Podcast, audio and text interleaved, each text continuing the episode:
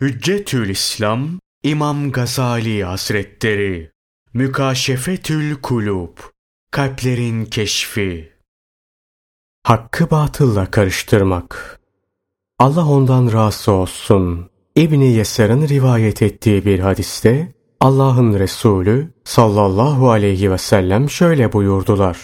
İnsanlar üzerine öyle bir zaman gelecek ki o zamanda nasıl ki bedenlerde elbiseler eskiyip çürüyorsa, insanların kalbinde de Kur'an öylece eskiyip çürüyecek. Bütün işleri güçleri Allah korkusundan mahrum bir tamah olacak.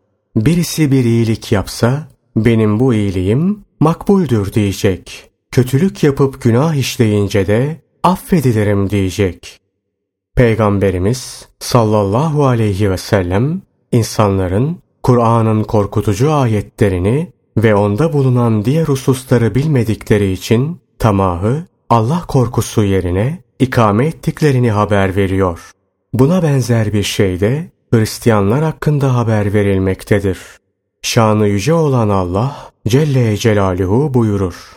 Onlardan sonra bir yandan bu dünyanın geçici metaını kaparak biz nasıl olsa ileride affediliriz demek, bir yandan da kendilerine ona benzer bir meta verilirse, onu da almakta devam etmek üzere o kitaba varis olan kötü kimseler gelip onların yerine geçmiştir. Allah'a karşı haktan başkasını söylemeyeceklerine dair kendilerinden o kitabın hükmü gereğince teminat alınmamış mıydı? Halbuki onda olanı durmayıp okumuşlardır da. Rabbinin huzurunda durmaktan korkan kimseler için iki cennet vardır. İşte bu benim makamımdan korkanlara, benim tehdidimden korkanlara mahsustur. Kur'an başından sonuna kadar böyle sakındırıcı ve korkutucu ayetlerle doludur. Kur'an'a iman eden ve onun içindekiler üzerinde düşünen hiçbir mütefekkir yoktur ki uzunca hüzünlenmesin ve büyük bir korkuya düşmesin. Kur'an hususunda insanlar hezeyan içindedirler. Kur'an okurken harfleri mahreçlerinden çıkarmaya özel bir itina gösterirler. Üstüne, esreye ve ötreye iyice dikkat ederler. Sanki mübarekler Arap şiirlerinden bir şiir okuyorlar. Manasını düşünmek ve onunla amel etmek onları hiç alakadar etmez. Dünyada bundan daha büyük bir aldanış olabilir mi? Bir de bunların değişik bir tipi daha vardır. Bu grubun ibadetleri de vardır, masiyetleri de. Ancak masiyetleri ibadetlerinden daha çoktur. Fakat onlar mağfireti beklerler ve zannederler ki iyi amelleri üstün tutulacak. Halbuki terazinin günahlar kefesindekiler daha çoktur.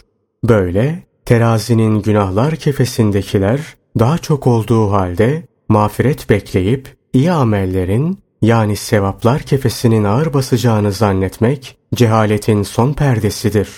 Mesela bu tip insanlardan birini ele alalım. Bu kişi helal ve haram kazançların karışımından meydana gelen servetinden birkaç kuruş sadaka verir, hayır işler. Halbuki diğer taraftan Müslümanlardan elde ettiği kazançlar ve şüpheli servetler verdiği bu birkaç kuruştan kat kat fazladır. Belki de sadaka olarak verdiği bu birkaç kuruş tamamen başkalarının malı yani gayri meşru servettir. O sadaka olarak verdiği bu birkaç kuruşa güvenir ve zanneder ki haramdan kazanılmış her bin lira karşılığında haram veya helal kazançtan 10 lira verirse bu 10 liralık sadaka o bin liralık haram kazancı karşılar. Bu terazinin bir kefesine 10 gram, diğer kefesine de 100 gram koyarak ağır kefeyi hafif kefenin hizasına getirmeyi murad eden kişinin haline benzer. Bu hal o kimsenin cehaletin zirvesinde bulunduğunun delilidir. Hakkı batılla karıştıran zümrelerden biri de sevaplarının günahlardan çok olduğunu zannedenlerdir.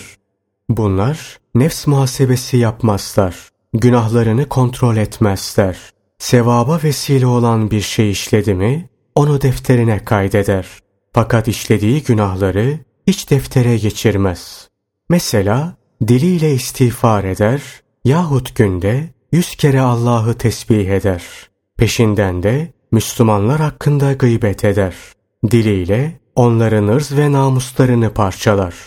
Bütün gün boyunca hiçbir sınır tanımadan Allah'ın razı olmayacağı malayani sözler sarf eder. Varsın etsin, ne gam. Çünkü onun gözleri günde yüz defa tekrarladığı estağfirullah'tadır. Bütün gün boyunca savurduğu hezeyanlardan haberi bile yoktur. Oysa ki bu hezeyanlarını da yazmış olsaydı, söylediği tesbih ve yaptığı istiğfarın yüz, belki de bin misli tutardı. Halbuki onun bu hezeyanlarını yazıcı melekler yazmıştır. Allah Celle Celaluhu da yazılan her kelime mukabilinde ceza vaat etmiştir. Nitekim aziz ve celil olan Allah şöyle buyurur. O bir söz söylemeye dursun. Mutlak yanında hazır bir gözcü vardır. Fakat o mütemadiyen Allah'a yaptığı tesbih ve tehlillerin faziletlerini ve sevaplarını düşünür. Gıybet edenlere, yalancılara, kovuculara, iki yüzlü münafıklara verilecek şiddetli cezalara hiç aldırış yetmez. Bu hal sırf bir aldanıştır. Öyle sanıyorum ki o kişinin hezeyanlarını yazan melekler eğer yazdıklarının katiplik ücretini ondan isteselerdi muhakkak o zaman dilini böyle hezeyanlardan men ederdi. Hatta öyle ki katiplik masrafı kabarmasın diye birçok mühim konuşmalardan bile vazgeçer, mecburi konuşmalarda kısıntı yapardı. İşte gariptir ki onlar katiplik masrafı yükselmesin diye böyle zaruri konuşmalarda bile kısıntı yaparlar da Allah'ın yasak ettiği hezeyannamelerden kaçınmazlar. Firdevs cennetini ve nimetlerini elden kaçırma korkusunu göz önünde bulundurup günlük yaşayış ve konuşmalarında ihtiyatlı hareket etmezler. Bu hal düşünebilenler için gerçekten büyük bir musibettir. Bu hal bizi şu hüküme götürür. Eğer Kur'an'dan şüphe ediyorsak imansızlardanız. Yok, tasdik ediyorsak ahmak mağrurlardanız. Her iki şıkta Kur'an hükümlerini tasdik ve kabul edenin işi değildir. Biz imansızlardan olmaktan Allah'a sığınırız.